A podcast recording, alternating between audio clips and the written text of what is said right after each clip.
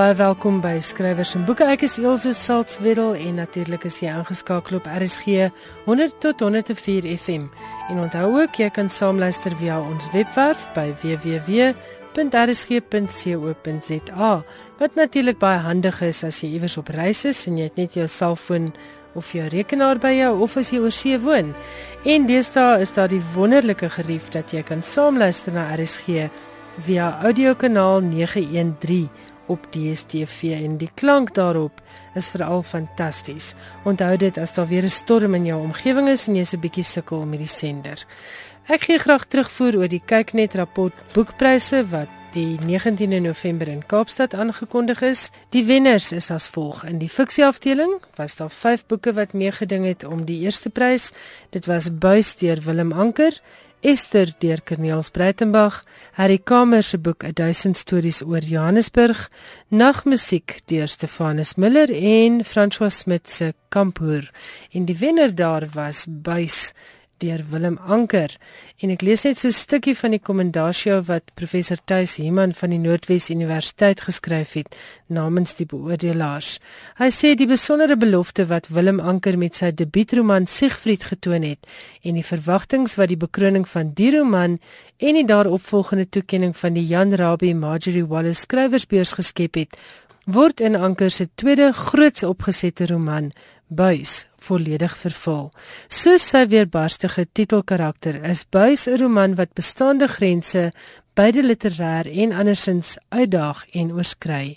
Dit is enerzijds 'n historiese roman wat 'n omvattende oorsig bied oor die lewe van die legendariese Konrad de Buys, Afrikaans se voorste anargis, maar anderzijds ook gevestigde aannames oor die Suid-Afrikaanse geskiedenis ondermyn aan die hand van die mites en oorvertellings wat met die loop van tyd rondom de Buys tot stand gekom het. En soos wat Buys uit die stof van argiewe en vergeelde dokumente voor die leser se oog verrys, besin die skrywer terselfdertyd oor die uitdagings en eise wat biografiese skryfwerk in fiksievorm stel. Dit is dan 'n stukkie van die kommendasie oor Buys deur Willem Anker, uitgegee deur Kwela wat onlangs weggestap het met die Kyknet rapport boekpryse se fiksieprys. In die nuwe fiksie afdeling was daar 3 boeke wat meegeding het. Lindie Koorts se DF Malan en die opkoms van Afrikaner nasionalisme, weer Stefanus Miller se Nagmusiek en my boek van sprokie tot tragedie in die kollig. En die wenner in die nuwe fiksie afdeling was die veelbekroonde en nou weer bekroonde nagmusiek deur Stefanus Miller uitgegee deur Fourth Wall Books en ek lees graag 'n stukkie van die kommendasie soos voorberei deur professor Herman Wasserman van die Universiteit van Kaapstad namens die beoordelaars. Alles van waarde is weerloos lui die bekende reël deur die Nederlandse digter Lucebert Hierdie uitsonderlike en by tye verbluffende werk van Stefanus Miller spruit uit 'n akute bewustheid van hierdie weerloosheid van die kuns en uit die impuls om nogtans iets van waarde te probeer bewaar te midde van die aanslag daarteen ten spyte van die onbetroubaarheid van herinnering en ongeag die broosheid van die skryfdaad self.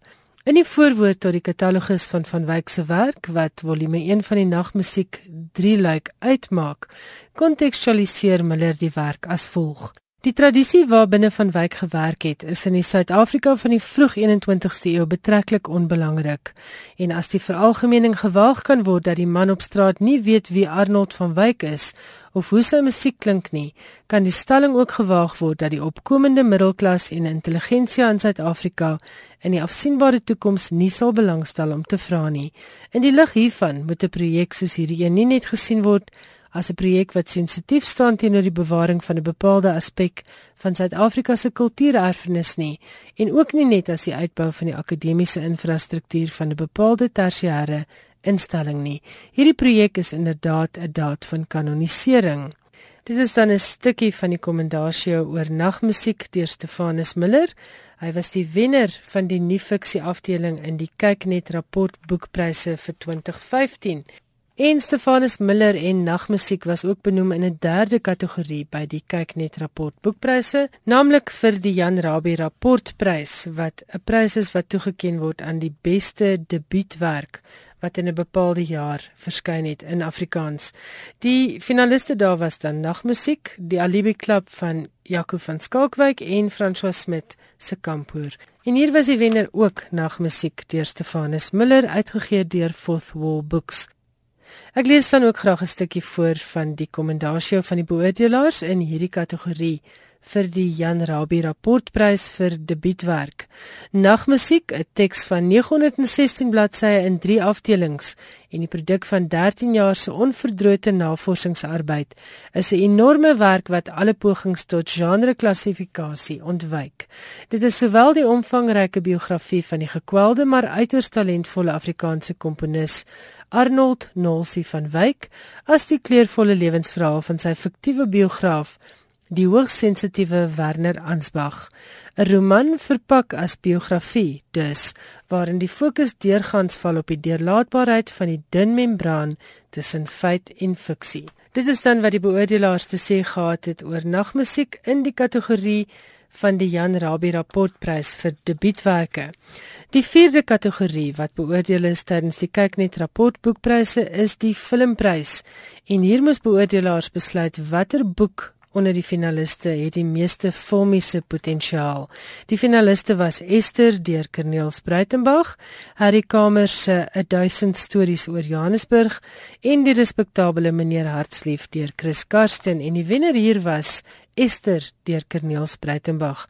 En Herman Binge, bekende filmmaker, skryf as volgens sy kommendasie oor Esther deur Corneels Breitenberg.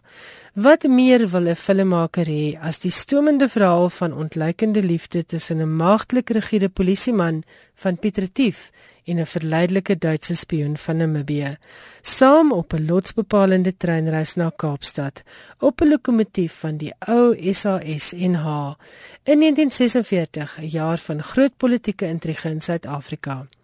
Corneels Breitenberg se Esther is 'n teks wat netjies binne 'n bewese kommersiële filmgenre val. Dink maar aan Marlene Dietrich in Shanghai Express van 1932, Rex Harrison in Night Train to Munich uit 1940, Tony Curtis, Jack Lemmon en Marilyn Monroe in die onvergeetlike Some Like It Hot uit 1958. Wat nog van Frank Sinatra in Von Ryan's Express en die klassieke Murder on the Orient Express. Ook die meer onlangse Trans-Siberian in 2008 met Woody Harrelson. Dis nou maar net om 'n paar te noem. En dit is die flieks waaraan filmmaker Herman Binge die potensiaal van Corneels Breitenberg se Esther gelykstel. Baie geluk aan hierdie vier wenners, baie waardige wenners, fantastiese boeke. Baie dankie ook aan die organiseerders en aan die borgers kyk net en rapport vir hierdie wonderlike inisiatief. Daar was 'n eislike 535 000 rand se prysgeld op die spel in hierdie kompetisie. Dis wonderlik om te weet dat julle soveel omgee vir Afrikaans, dat julle so baie geld belê in prysgeld. En aan jou die leser daar by die huis, 2015 was 'n fantastiese boekjaar vir Afrikaans en ek vertrou dat jy die bedryf gaan ondersteun deur Afrikaanse boeke op jou kerslysie te sit hierdie Kersfees.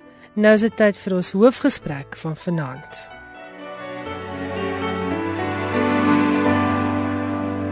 Baie welkom by Skrywers en Boeke. Ek het vanaand vier ateljee gaste en dit is die bekende akteur Ivan Botha, Donalie Roberts, net so bekend as aktrise, skrywer en veelbekroonde skrywer François Bloemhof en dan natuurlik een van Suid-Afrika se beste Afrikaanse uitgewers, Dr Etienne Bloemhof.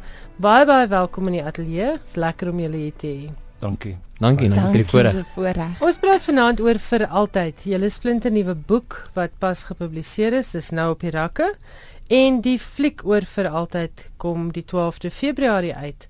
Nou, dis die tweede boek wat julle drie, François en Donalie en Ivan saam aanpak en dis die tweede boek wat ook 'n fliek is terselfdertyd. En ek's baie nuuskierig oor hierdie proses. So vertel vir ons eers waaroor gaan vir altyd.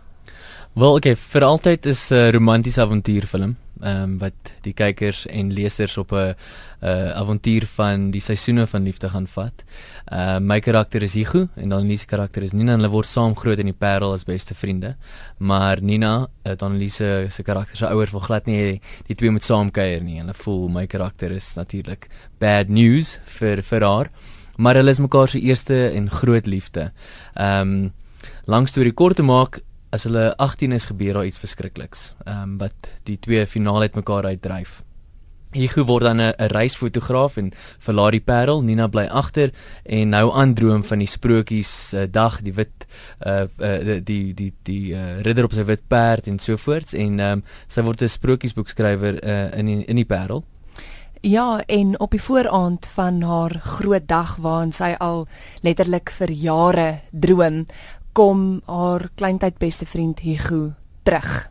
En sy word ongelukkig voor die altaar gelos. Die persoon wat vir altyd aan haar moet beloof, kan nie die woorde uiter nie en dit maak natuurlik dat haar perfekte dag in duie stort. En sy besluit nog steeds, sy het 'n troue gereël en sy gaan 'n troue hou met of sonder haar bruidegom en die aand is bietjie van 'n lawwe partytjie en ehm um, sy kom af op die witbroodpakket waarheen hulle sou gegaan het en sy oortuig dan haar kleintyd beste vriend Hugo om nog steeds saam met haar te gaan om so half oor liefde te kom op die eiland van liefde. So dis dis nogal ironies want wanneer hulle daar aankom ook ontmoet hulle twee ander paartjies en dit is Ben en Maritjie Botha wat op hulle tweede witbrood is om hulle huwelik te probeer red en hulle het 'n liefdesuitdaging vir elke dag en hulle moet weet hulle huweliksberader het vir hulle gesê hulle moet mekaar se liefdestaal leer praat maar Ben voel Maritjie praat al klaar te veel sy mag nie nog 'n taal byleer nie. nee 50 nie. En en Maritjie voel Ben luister net nooit. En dan ook oom Paul en tannie Betsy en hulle is op hulle goue bruilof om hulle hulle is al 50 jaar getroud en hulle het nooit 'n groot dag gehad nie en hulle destyds in die hof getrou maar hulle het regtig deur al die storms van die lewe en al die seisoene van die lewe regtig het die essensie gevind van dat as jy met jou beste vriend trou dan weet is dit iets is wat vir altyd, altyd kan hou. Ja, ja. Op die eiland word die verlede natuurlik tussen die Goe en Nina weer oopgekrap ehm um, en en sorg vir 'n paar lekker uh, uitdagings. So So, so dis dan waar die spanning en die avontuur en die aksie inkom is daar. Presies. Ja, en ek dink tussen tussen die drie paartjies was dit weet ek en Ivan sê altyd ons het glad nie al die antwoorde nie, maar weet vir altyd se avontuur in die reis was vir ons net om om 'n speel op te hou en te gaan hopelik sien iemand 'n bietjie van hulle self in een van die karakters of 'n bietjie van hulle verhouding in een van die paartjies en dit Ivan sê altyd ook ons wil net graag hê dit moet gesprekke oopmaak. Dit ja, die ding is jy hoef nie, ekskuus, jy hoef nie nee. al die antwoorde te hê nie, maar as jy genoeg vrae het, dan is dit genoeg. Iets wat ek ook gedink het is die storie lei mense om 'n bietjie vir hulle self ook te dink. Die eiland van liefde waarvan hulle praat is natuurlik Mauritius en soos julle nou kan hoor toe hulle nou die storie opgesom het, daar dis 'n baie lekker storie. Daar's 'n klomp mm. verskillende goedes wat gebeur en ek dink luisteraars kon reeds afgelei daar is 'n bietjie diepte ook daarin. Jy weet mm. mense is geneig om te dink baie keer 'n liefdesverhaal, dis mos maar net boy meets girl en dit gaan verkeerd en dit word opgelos en so aan, maar hier's regtig, daar's baie wat gebeur en dit is karaktergedrewe wat my betref. Jy weet die die karakters bepaal sekere punte van die storie en jy gee om vir die karakters of althans ek hoop ek het my my job properly gedoen en dat mense gaan omgee vir die karakters as hulle dit nou lees. En dit is wat vir my die die storie voordryf. Dis lekker goed wat gebeur en is 'n interessante storie. Dis lekker vertrekpunt. Maar wat het nou eers gekom? Die die hoender en die eier debat is nou hier vir my. Wat het eers gekom? Wie die idee gehad en wanneer het julle besluit dit word 'n boek en wanneer word dit 'n fliek en hoe werk hierdie hele proses? Die draaiboek is eerste. So ek dink julle moet nou sê waar kom die idee, die storie vandaan? Die, ja. So, so ek dink die konsep van wat jy van praat, uh die hoender of jy of die eier eerste het eintlik met pad in jou hart al begin. Ehm um, ek het die voorreg gehad om in 'n uh, teater vir 'n uh, stuk te speel wat Fransjo geskryf het. Dis waar ons ontmoet het en en, en kennis gemaak het. Ehm um, 'n hele paar jaar terug. En toe ek en Danelie nog by Sewendelaan was, het ons uh, pad in jou hart geskryf. En ehm um, ons het ook natuurlik vervaardig en bemarking gedoen en so voort. So ons het begin dink, jy weet, hoe hoe hoe kan ons bietjie uit die boks uit bemark en hoe kan ons uh, vir ons storie raklewe skep? Ehm um, en en dis waar die die idee gebore was vir 'n roman. So ons het eers die draaiboek geskryf destyds met Pat jou hart en toe toe het ek gesê wel kom ons benader François. Ehm um, uh, en vind uit of sy uh, hy sal inter, uh, geïnteresseerd wees om om die pad saam met ons te stap en net nog 'n laag of 3 by te voeg tot ons karakters en tot ons storie. En sodoende was was die roman toe ehm um, ontwikkel en geskryf uh, deur François um, en eerste vrygestel en dit het vir ons lekker bemarkings uh, raklewe gegee vir die storie en selfs met vir altyd. Um, ek dink dit was net vir ons selfsprekend om weer die pad te stap met François en en met Etienne en met NB uitgewers uh, met en met Jasmine. Ehm um, so uh, ja, ek dink dit was eerste die draaiboek. Ek en Donnelly het eerste die draaiboek geskryf en en François het wel saam met ons 'n pad gestap, jy weet. Uh, miskien kan hy so klein bietjie aangaan. Ons het van draft 1 af hom om betrokke gemaak vir hom drafts gestuur en net notas gestuur net soos ons vir ons regisseur gestuur het. Het ons hom definitief van dag 1 af weer deelgemaak van die skryfproses. Ja, die ding is ek het gehou ek het ook gehou van die idee van die manier waarop hulle die werk benader is. Die draaiboek gaan deur verskillende weergawe. Terwyl ek dink probleme wat wat soms veroorsaak met flieks, nou nie noodwendig net plaaslik nie, wêreldwyd, is baie keer sien jy 'n fliek en alles is goed. Jy weet die kamera werk is goed, selfs die spel is goed en jy kan sien die regisseur is goed, maar daar's net allerlei gate in die intrige. En dan ja. weet jy die mense het net een of twee draaiboeke, jy weet een of twee weergawe van die draaiboek gehad en toe hulle gaan skiet. Hulle was bietjie ongeduldig. Terwyl jy moet 'n bietjie geduld hê, jy moet deur dit gaan, jy moet verskillende mense se menings kry dat jy kan sê daai stukkie werk nie lekker vir my nie of ek dink daai karakter moet vroeër inkom of daai karakter moet glad nie daar wees nie en so sluip jy dit. Dis dieselfde dit werk ook maar so met 'n manuskrip wat jy ingee vir publikasie. Jy word eers gekeur, dan sal nog iemand wat dit lees, die redakteur het sy voorstelle en so. Nee, nee, die redigeerder ja. het haar voorstelle ja. of wat ook al, ja. Want die ding is want jy skryf tog nie net boek vir jouself nie. Mm. En nou ook jy maak ook net 'n rolprent vir jouself nie. Jy moet 'n bietjie dink aan gaan mense daarvan hou en wat kan hoe kan jy dit verbeter heeltyd? Maar met ander woorde jy kry nou kom ons noem dit nou maar 'n baie maar karakter wat jy nou 'n bietjie moet leier. Jy moet vir hom lagies en intriges skep wat nou nie moontlik is altyd ja. binne die beperkte tyd van 'n fliek ja. nie. Maar daai dis dis amper dit klink amper soos 'n uitdaging, maar dis half 'n voorreg ook. Jy weet dit hoe Maak ek dit vir jou makliker. Weet jy hoe ek dit sien is die ding is is ek die regisseur kry die draaiboek en dan maak hy 'n fliek daarvan. En so kry ek die draaiboek en dan maak ek 'n boek daarvan. Nou die regisseur gaan verskillende tegnieke hê om die storie te vertel, jy weet en hy het natuurlik die visuele element wat 'n groot voordeel is wat rolprente het. Hy het ook die musiek wat hy kan besluit kan bykom op 'n sekere plek en hy vertel die storie op sy manier. Maar dan aan die ander kant kan ek nou weer met die met die boek kan ek besluit jy kan tog nie net die karakter net sê hy verskyn en hy praat of sy verskyn en sy praat jy moet hom sê wat gaan hulle koppe aan. So daai is daai is vir my die lekker gedeelte wat ek kan by lieg wil ek amper sê. Jy weet ek kan mm, mm. besluit dis waar die persoon vandaan kom en natuurlik ook daai persoon moet geskiedenisse hê. Dit sal baie ongeloofwaardig wees as jy al hierdie karakters het wat met mekaar jy weet met mekaar praat en swaan maar jy word maar op 'n eiland ja, land. Ja, maar jy hmm. praat jy verwys nooit na dis nou byvoorbeeld die een op Paul en ouma Betsy, jy weet hulle kom, hulle is daarom nou wat sal hulle wees in hulle 60s. Iewers moet daar verwys word na wat het gebeur 20 jaar gelede of 30 hmm, of 40 hmm. jaar gelede en so wat mense het geskiedenisse. So jy moet verwys daarna en in 'n in 'n fliek kan jy iets suggereer net met die manier waarop twee mense na mekaar kyk? Of die jy weet die trek op iemand se gesig. Maar mm. in 'n boek kan jy nie daai jy kan ek wil amper sê jy kan nie daai skimp gooi nie. Jy moet sê wat ja, het gebeur jy moet skryf. Mm. Etienne ek wil vir jou vra is julle as uitgewers nie bang dat die een produk die ander produk gaan ondermyn nie?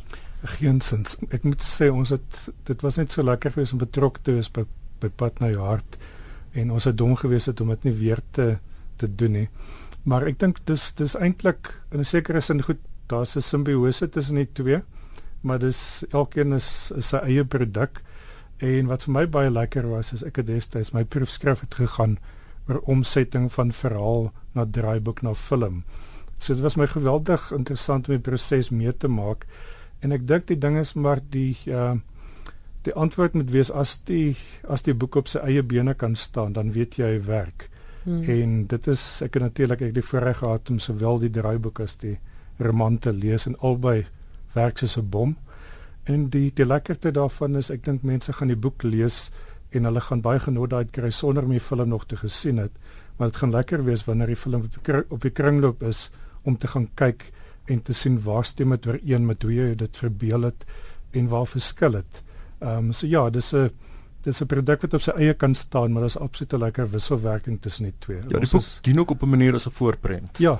Ja, ja, dit is dis En ek dink wat ook wonderlik by dit aansluit is, weet eersins mense het 'n 'n onbeskryflike lieflike vriendskap met Fransja ook en in die tydperk want ons skryf om te kan speel ook. So tydens die skryfproses begin jy al klaar die gedagteproses van jou karakter mm. ontwikkel sodat jy presies weet wat om eerlik in daai oomblik te dink sodat jy dit kan speel op skerm. En beide met Pat in jou hart en met vir altyd het ons die geleentheid gehad om daai tipe in diepte gesprekke met Frans wat ek kan hê om te gaan dit is wat my karakter dink en voel mm. en ek dink dis hoe dit is vir my so mooi dat dit so mooi met mekaar hande vat ook dat dit wat mens noodwendig want in in 'n boek gaan jy op hierdie wonderlike sielsreis en klim jy binne in 'n karakter en jy kyk na die wêreld deur daai karakter se oë. En op film is jy so half is jy net 'n reisiger, 'n toeskouer mm, ja. van dit. En en ek dink dit is wat een van die hoogtepunte vir my beide met pad na jou hart se proses en met vir altyd is dat mense gaan die boek kan lees en regtig waar ons as akteurs se gedagteprosesse saam met die reis wat Frans aan met die karakters gehad het kan kan verstaan en weet en daai twee vat lieflik met mekaar hande was daar kreatiewe verskille? Wou François loop nie met 'n mm. karakter wat jy nie van gehou het nie. Weet jy die ding is ons het 'n ons het 'n lekker lang gesprek gehad reg aan die einde toe al toe alles nog klaar geskryf was. Maar die ding is van natuurlik is daar sekere maniere waarop hulle die karakters sien wat ek dit nie sien nie. Jy weet wat die ding is want ek kry die die die gebeure en die dialoog en en dan soos ek sê dan lig jy allerlei goedjies by, maar partykeer jy weet natuurlik hier mense kom langer met die storie aan as wat ek met dit aangekom het. So daar is sekere goeters waarop jy verskil en natuurlik ook iets anders wat gebeur is terwyl jy skiet is jy maak aanpassings want alles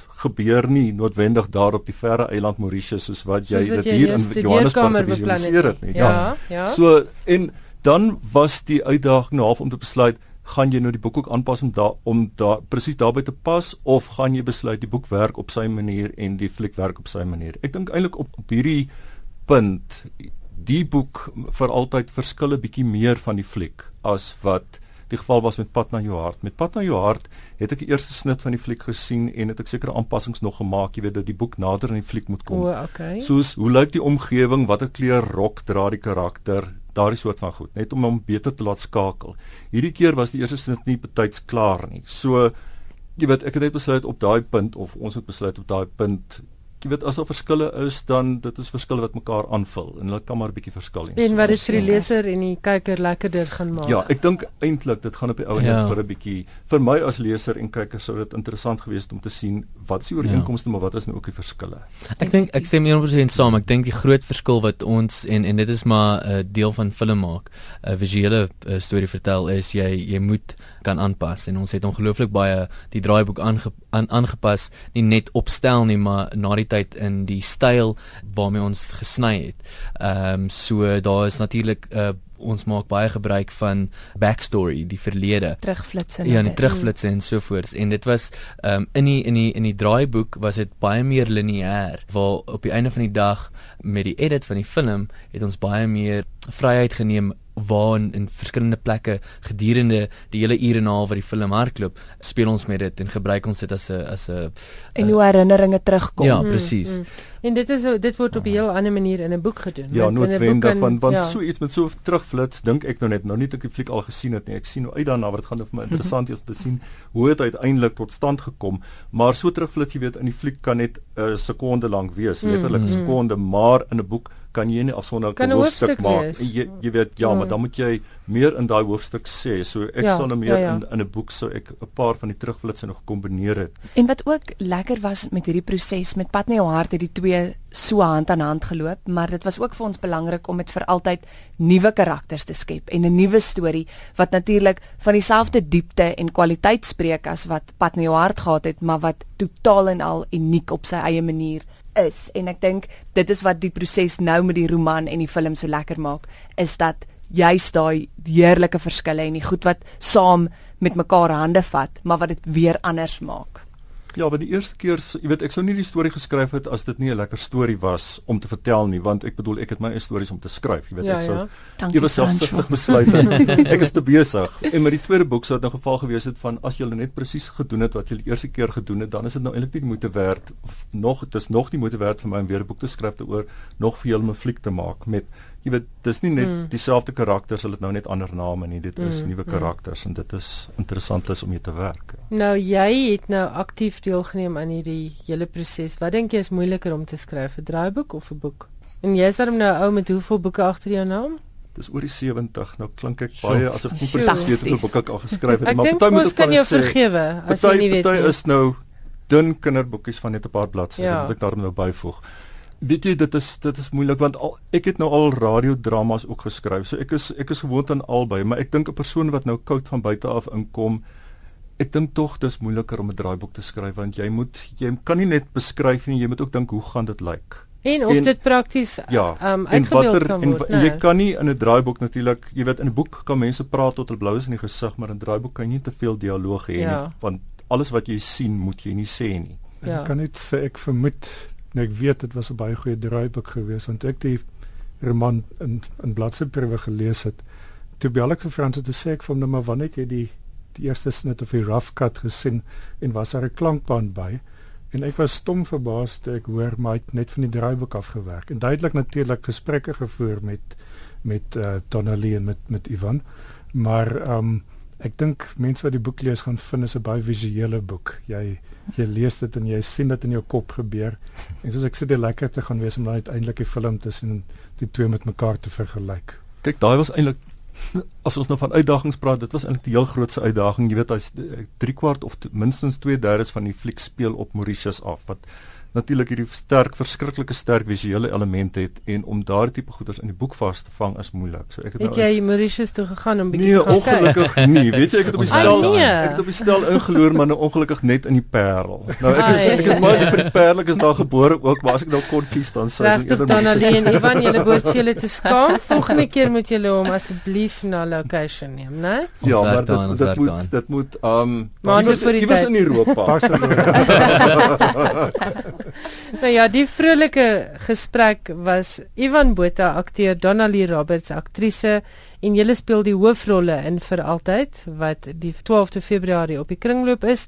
François Bloemhof is die kerel wat saam met hulle hierdie wonderlike boek geskryf het en Etienne Bloemhof is die uitgewer van vir altyd. Baie dankie dat julle ateljee toe gekom het en baie voorspoed met albei projekte. Baie dankie. Dankie ons waardeer dit. Vir altyd word geskryf deur François Bloemhof, uitgegee deur Tafelberg en kos R200. Ons het nou hierdie jaar inskrywers en boeke al uit verskeie bronne gehoor dat e-boeke toe nou nie so goed verkoop as wat uitgewers gehoop het nie en dat regte egte boeke, gedrukte boeke nog steeds beter verkoop as e-boeke. Ek het onlangs op die webwerf www.msn.com afgekom op 'n baie interessante stukkie wat deur 'n kenner in Amerika geskryf is, Dr. Mark Hom. Hy is 'n bioloog van die Johns Hopkins Universiteit en iemand wat self 'n skrywer en boekillustreerder is. So ek neem wat hy sê nou nogal ernstig op. Mark Hom sê dat Wanneer 'n mens 'n boek vashou, absorbeer jy nie net die woorde en betekenis nie, maar jy onthou ook onbewuslik die fisieke plek van die woorde. Mens onthou byvoorbeeld wanneer 'n paragraaf naby die einde of die begin van 'n bladsy is of dit aan die linkerkant of aan die regterkant is of dit bo of onder is. En hy sê hierdie fisieke oriëntasie, geheue, is 'n baie belangrike aspek van die menslike evolusie en verskillende dele van die brein word hieraan toegewy onder meer die frontale en temporale breinlobbe. Volgens Dr. Hom was hierdie fisieke oriëntasie geheue en hierdie vermoë van die mens om te onthou presies waar is wat veral in die oertye baie belangrik, maar dis iets wat ons nog steeds gebruik. Hy verwys byvoorbeeld na die daaglikse roete wat jy werk toe ry, waar jy later tot onthou presies waar is 'n slaggat of waar is 'n spoedkamera of waar staan 'n effense knik in die pad waarvoor jy moet uitswaai. Hierdie visuele en ruimtelike leidrade is steeds nodig vir ons oorlewing en dit is iets wat gedrukte boeke vir jou verskaf wat e-boeke nie vir jou gee nie. 'n Ander aspek wat vir my baie interessant was, hy sê as 'n mens 'n e-boek lees, dan het jy nie regtig heeltemal 'n idee wanneer is jy nou in die middel van die boek nie. So as die boek in die middel begin vervelig raak, dan is daar baie minder motivering om deur te druk. Wanneer jy nou met 'n gedrukte boek in die hand sit en jy kan bloot deur na die bladsye te kyk of maak die boek toe, dan kan jy sien min of meer waar is jy in die boek. Die motivering om deur te druk deur hierdie vervelige middelste deel van die boek in die hoop dat jy gaan uitkom by 'n meer opwindende deel is doeteenvoudig volgens Dr. Markham baie groter wanneer jy 'n gedrukte boek lees as wanneer jy 'n e-boek lees. Hy skryf en ek het dit self al ervaar, die oomblik wat jy 'n e-boek toemaak omdat hy vir jou vervelig is, is die kanse dat jy hom weer gaan oopmaak baie kleiner. Want vir ons is dit eintlik maar soos 'n rekenaar dokument wat jy toemaak. En hy sê die voel hiervan die tactile element soos wat die Engelse sê is 'n baie baie belangrike deel van die leeservaring en hy sê dat die ontwerpers van Lexe motors byvoorbeeld het agtergekom dat die tactile deel, die voelbare deel van die interieur van 'n motor net so belangrike rol speel as die res van die ontwerp en dat daar bevind is in verskeie studies dat mense kontak verkies met getekstureerde warm materiale eerder as koue harde plastiek en glas. En dit is dan hoekom ons nie so mal is oor e-lesers nie, al is dit so gerieflik. En dis hoekom ons nog steeds gedrukte boeke verkies. 'n Laaste interessante waarneming deur Dr. Mark Hom en ek haal hom aan: Humans are analog and prefer analog information. Hy sê alhoewel ons hou van hoë definisie televisies, is dit eintlik net omdat ons hoë resolusies nodig het om analoog realiteite vir ons te simuleer. We crave analog input and want to see objects, not pixels. En dan sê Dr. Makom om 'n boek te lees gee vir ons hierdie analoë ervaring. Presies dit waarvoor ons breine geëvolueer het en wat hulle geleer het om te prosesseer. Dit was dan so 'n stukkie wetenskaplike verduideliking vir hoekom die meeste mense nog steeds gedrukte boeke verkies eerder as e-boeke. Laat weet vir my hoe voel jy oor die verskil? My e-posadres is skrywersenboeke@rsg.co.za of jy kan 'n SMS stuur na 34024. Ek is Elsje Salzwetel en jy luister na Skrywers en Boeke en nou is dit tyd vir ons volgende gesprek. Gesels weer met Dr Nicole Stassen, die hoof van Protea Boekhuis en vanaand praat ons oor vertaling. Ek het spesifieke navrae van luisteraars gehad na aanleiding van 'n vorige gesprek. En Nicole, een van die navrae wat ek gekry het is: "Hoe gaan jy te werk as jy besluit jy wil 'n boek vertaal? Is daar regte by wie moet jy daai regte uitklaar? Kan jy vir ons bietjie meer van die proses vertel?" Ja, jy moet gewoonlik daarom dink ek 'n bietjie internasionale kontakte hê sodat jy nie te veel hoef te sukkel nie. Dit help as jy vertroud is of die houer van die van die oorspronklike regte reeds ken en hulle dan kan kontak en dit spaar vir jou nogal 'n hele tyd. Ek onthou spesifiek met die Asterix boeke, dit het ons seker 4 jaar lank gevat om uit vanat ons begin onderhandel het om uiteindelik die kontrak te beklink en dit was eenvoudig maar omdat ons daai tyd 'n redelik onbekende uitgewer was en die groot Franse uitgewer Hachette wat dit uitgegee het wou daarom eers bietjie kyk wie en wat ons is maar ons het 4 jaar gevat om mekaar te vind. Nou gebeur dit baie vinniger as as destyds nou ja jy moet jy moet maar internasionale regte eerbiedig. Daar is gewoonlik regte op die die meeste boeke wat verskyn en as jy dit in Afrikaans wil uitgee kan jy nie net voortgaan en dit Afrikaans vertaal en dink al gaan nie probleme kom nie. Jy moet eers 'n ooreenkoms aangaan met die oorspronklike uitgewer dat jy die reg het om dit in Afrikaans uit te gee. Verwissel daar enige geld dan nou hande in hierdie proses? Moet jy die regte fisies koop of kry die persoon of die titelhouer dan nou net weer uh, inkomste deur tantieme?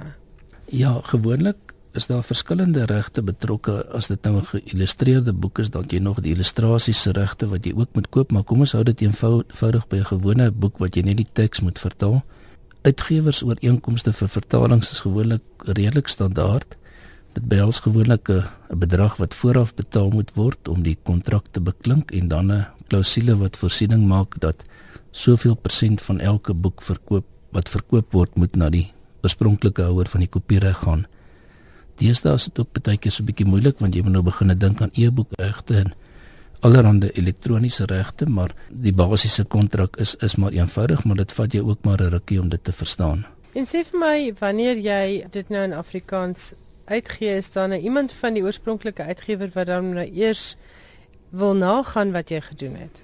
Dit is nou seker moeilik met die laat ons nou Afrikaans praat, maar maar sal hulle bevoel kan aandring op so iets?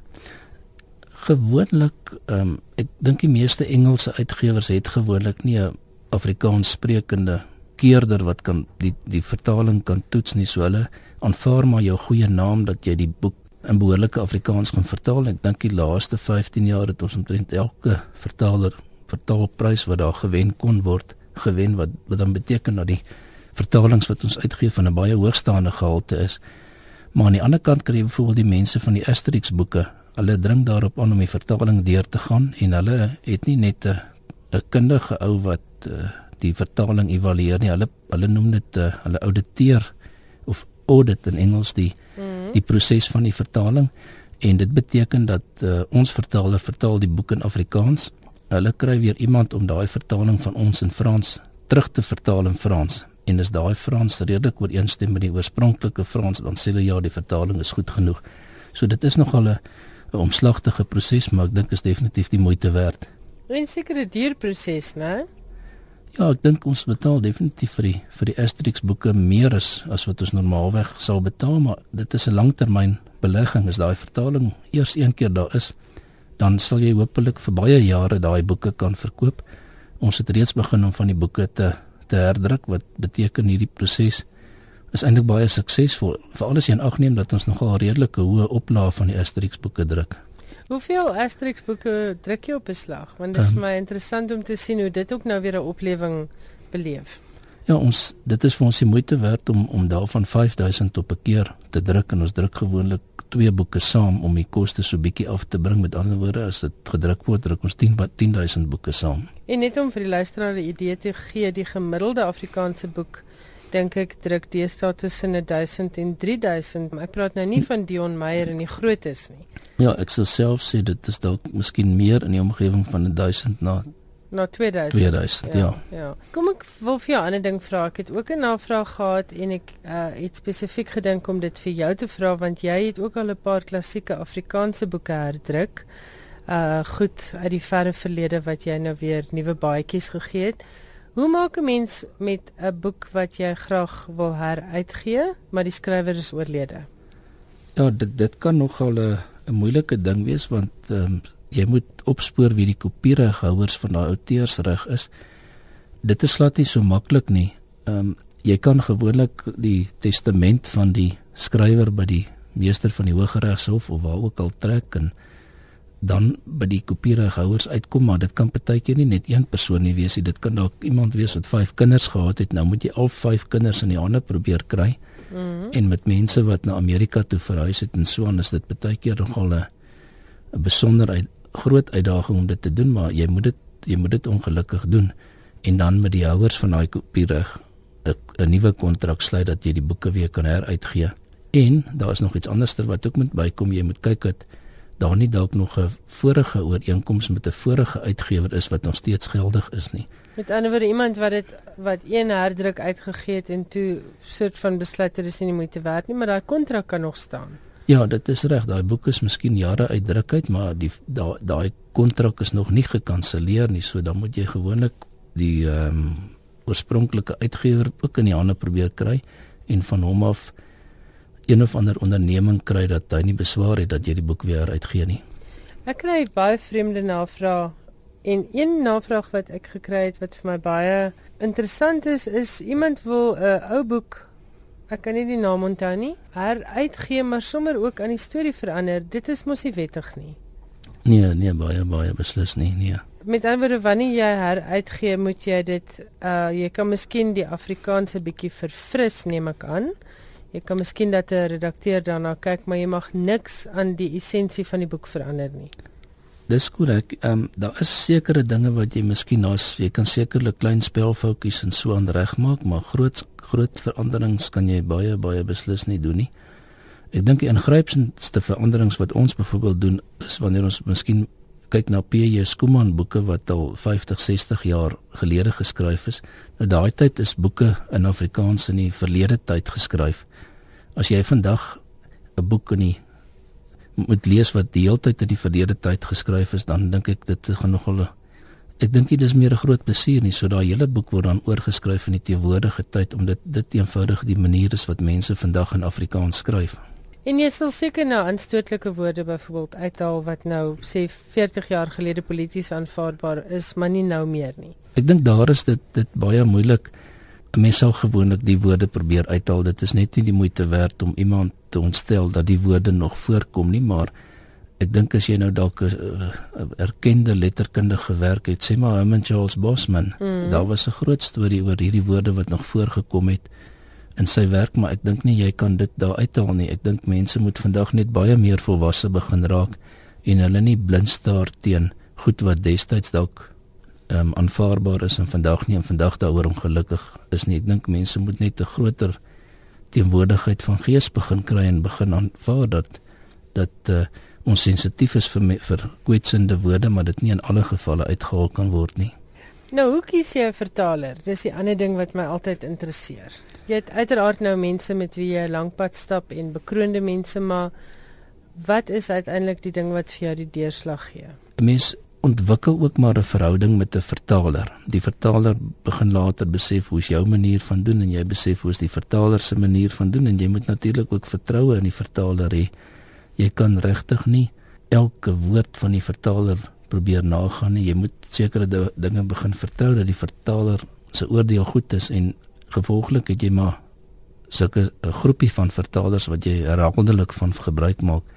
Uit Engels maak ons baie gebruik van Kobus Geldenhuys wat ook nog 'n paar pryse gewen het uit Nederlands en soms ook uit Engels van Daniel Hugo wat ook al 'n groot klomp boeke vir ons vertaal het en wat ook al 'n klomp pryse gewen het en dan staan ook ander mense soos miskien Lina Spies of Amelia de Val of nog ander wat ons ook vertroue in hulle vermoë het om boeke te vertaal. Ja, want hulle praat natuurlik ook die taal waaruit vertaal word. Dis natuurlik die belangrikste ding. Ja, hulle moet kundig wees met daai taal wat uitvertaal word. Ehm um, dit is vir ons ook belangrik dat die persoon amper 'n moedertaalspreker moet wees van die taal waarin vertaal word. Baie selde 'n Afrikaanse moedertaalspreker, ag, ek sê maar 'n Engelse moedertaalspreker kry om iets van Engels en Afrikaans vertaal. Ons het eenvoudig net nie vertroue in daai daai manier van doen nie. En nog 'n ding wat my altyd interesseer, 'n mens kan nie woord vir woord vir woord vertaal nie ek dink soms raak dit dan 'n baie lomp affære. Ja, nee, dit is dit is definitief een van die grootste slaggate met vertaling is om goed wat reg klink net eenvoudig te vertaal en dan dit werk eenvoudig nie. Jy kan seker goed in Engels sê wat jy baie beslis nie op dieselfde manier in Afrikaans kan sê nie. Hoe lank is jy nou met vertaling en heruitgee van ou gunstelinge besig? Ons is seker nou al so 17, 18 jaar. In die begin was ons maar baie klein maar nou is dit nogal 'n groot besigheid soos ek sê ons vertaal seker so 70 boeke 'n jaar. 70 dis ja. verskriklik baie. En die kolle laaste vraag. Is iemand nou baie ernstig voel oor iets uit die Afrikaanse literatuur wat hy of sy voel um heruitgegee moet word? Kan hulle jou kontak en waarna kyk jy as jy so iets oorweeg? Ja natuurlik kan kan mense my kontak en ons reageer baie graag op mense se voorstelle van boeke wat vertaal moet word. Uit my ervaring in die boekbedryf is ons ook bewus van mense wat so oor al die jare vra vir boeke wat wat weer heruitgegee moet word. Ek dink die Karel Kielblok boeke is 'n goeie voorbeeld. Ons het nou begin om die hele Karel Kielblok reeks weer uit te gee en dit is eenvoudig van die geweldige aanvraag wat daarvoor bestaan wat wat ons net besluit het, maar dit is definitief die moeite werd om dit weer uit te gee, miskien met 'n mooi nuwe omslag en en so aan. Ek het gesels met Dr Nicole Stassen oor die vertaling en heruitgee van ou gunstelinge in Afrikaans. As jy voorstelle het of as jy navrae het oor boeke wat jy dalk voel weer 'n nuwe kans moet kry in Afrikaans, kontak vir Nicole deur die webwerf by www.proteaboekhuis.com.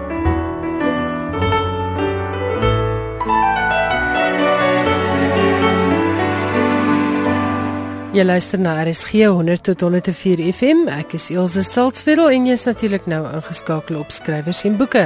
En dis tyd vir Johan Meiburg vir sy weeklikse insetsel oor die internasionale letterkunde. Johan, baie welkom in die ateljee. Baie dankie. Die Cervantes-prys, die Spaanse literêre prys min of meer gelykstaande aan die Man Booker International Prys, is vanjaar toegekend aan die Meksikaanse skrywer en digter Fernando del Paso Morante. Die prys, genoem na die groot Spaanse skrywer Miguel de Cervantes, wat gelewe het van 1547 tot 1616, word jaarliks toegekend, wel anders as die Man Booker International wat elke 2 jaar toegekend word. Die 80-jarige Del Paso ontvang die prys vir sy bydrae tot die Spaanse letterkunde. Volgens 'n verklaring is Del Paso se werk deel van die geskiedenis van die Latyns-Amerikaanse geskiedenis. Del Paso is in Mexico stad gebore en het etlike jare in Londen vir die BBC gewerk en ook vir Radio France in Parys. Sy bekendste werk, 'n roman van 1986 wat in 2009 in Engels vertaal is as News from the Empire, vertel die verhaal van Maximiliaan van Oostenryk en sy vrou Carlotta wat van 1864 tot 1866 die keiser en keiserin van Mexiko was. Dis gewis 'n aangrypende stuk geskiedenis wat tot 'n einde kom met Maximiliaan se teregstelling die volgende jaar in 1867. Die teregstelling voor 'n vuurpeloton is vir ewig deur die Franse skilder Edouard Monet. Del Paso reken James Joyce en William Faulkner as die skrywers wat die grootste invloed op sy werk gehad het. Die prys word volgende jaar op 23 April aan Del Paso toegekend, die dag waarop Cervantes dood is. En dan het jy nuus oor 'n bekende boek uit die Tweede Wêreldoorlog wat die wêreld nou opnuut aan die gons het. Sedert aan Frank se dagboek inskrywings in 1947 verskyn het as het agterhuis in die boek in 1952 vertaal uitgegee as Anne Frank the Diary of a Young Girl was aan Frank die outeur van die boek. Dit het nou verander. Haar pa Otto Frank is voortaan die mede-outeur van die dagboek van aan Frank. Die Switserse Aan Frank Stichting wat die kopiereg op die boek besit, het pas die aankondiging gedoen. Die rede vir die stap in Europa verval kopiereg 70 jaar na die dood van die skrywer. En Anne Frank is dood in 1945, 70 jaar gelede. Van 1 Januarie sou enige uitgewer dus eksemplare van die boek kon uitgee sonder om enige kopiereg te betaal. Maar Otto Frank is eers in 1980 dood. As hy dus mede-outeur is, kan die Anne Frank Stichting kopiereg vorder tot en met 2050. In 'n berig haal The New York Times die Franse prokureur Agnes Triquar aan wat sê waar dit op neerkom is dat die stigting jare lank gelieg het oor die outeurskap van die boek. En dis 'n besonder troebel manier om die nalatenskap van Anne Frank te bestendig. Hoewel Otto Frank die redigeerder en samesteller van die dagboek inskrywings was, het hy sy lewe lank volgehou dat die inhoud van die boek sy dogter se was. Die dagboek van Anne Frank die inskrywings wat sy gehou het tydens die nazi-vervolging van Jode tydens die Tweede Wêreldoorlog is in meer as 70 tale vertaal en meer as 30 miljoen eksemplare is reeds wêreldwyd verkoop. As die geld vir 'n goeie doel aangewend word, dan verstaan 'n mens dat hulle die belegging wil beveilig, maar waarvoor word die Aanfrank Stichting se geld gebruik? Dit is dadelik die vraag wat by my opkom. Het jy 'n um, idee? Ek het nie 'n idee hoe die geld gebruik word nie, benewens die ooglopende geldgierigheid. Nou ja, ek dink dit maak net die deur oop vir ander stigtings en ander skrywers van boeke en auteursreg besitters om dieselfde te doen in die toekoms. Net die tyd sal nou seker leer. Maar nou het jy eers vir ons 'n bietjie nuus oor 'n klassieke Engelse gedig. 'n Gedig wat die romantiese Engelse digter Percy Bysshe Shelley in 1810-1811 geskryf het is onlangs aangekoop deur die Oxford Universiteit vir sy Bodleian biblioteek. Die gedig was vir meer as 2 eeue in private besit voordat dit in 2006 op 'n veiling van die hand gesit is. Die aanwinst van die gedig van 172 versreëls op 20 bladsye is terloops die biblioteek se 12 miljoenste boek in sy versameling.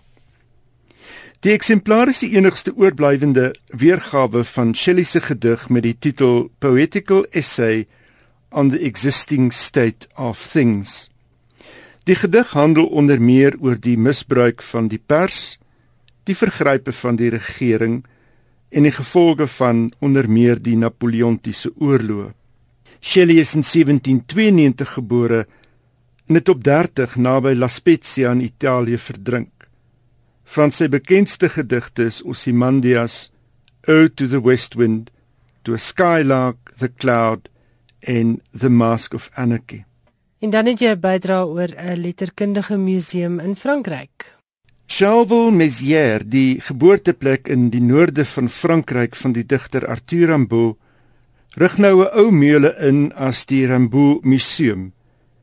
Die museum sal die publiek die eerste keer toegang bied tot verskeie autentieke manuskripte van die digter wat op 37 dood is. Rimbaud is in 1854 in Charleville-Mézières gebore maar is op 16 Parys toe. Hy is die volgende jaar terug na sy geboortedorp en van daar het die rustelose Rimbaud begin swerf. Kort voor sy 22ste verjaardag het hy ophou gedigte skryf.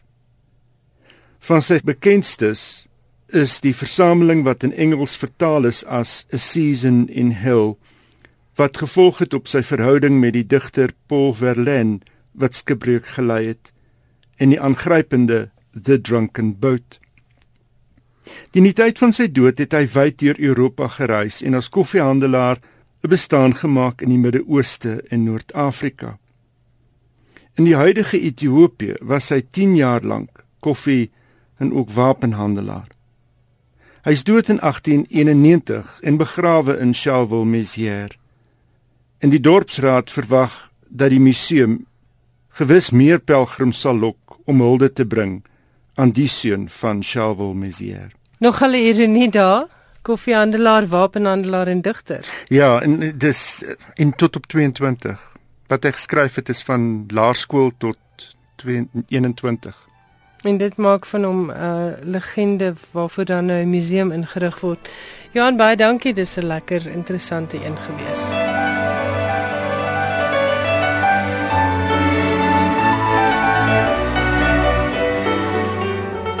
Met Johan Meiberg se baie interessante insetsel oor die internasionale letterkunde en boekbedryf, het dit nou weer tyd geword om te groet. Baie dankie dat jy vanaand gekies het om na RSG te luister hier op 100 tot 104 FM. Dankie dat jy na skrywers en boeke geluister het. En volgende Woensdag aan dieselfde tyd is ek Elsje Salzwetel weer terug met nog 'n uitsending van skrywers en boeke. Dan gesels professor Thys Himan met die skrywer Ingrid Winterbag oor haar jongste roman Vlakwater. As jy vir ons 'n e-pos wil stuur, die adres is skrywersenboeke@rsg.co.za. En die SMS nommer is natuurlik 34024. Elke SMS kos R1. Bly ingeskakel vir die res van finansie programme tot ons weer gesels. Totsiens.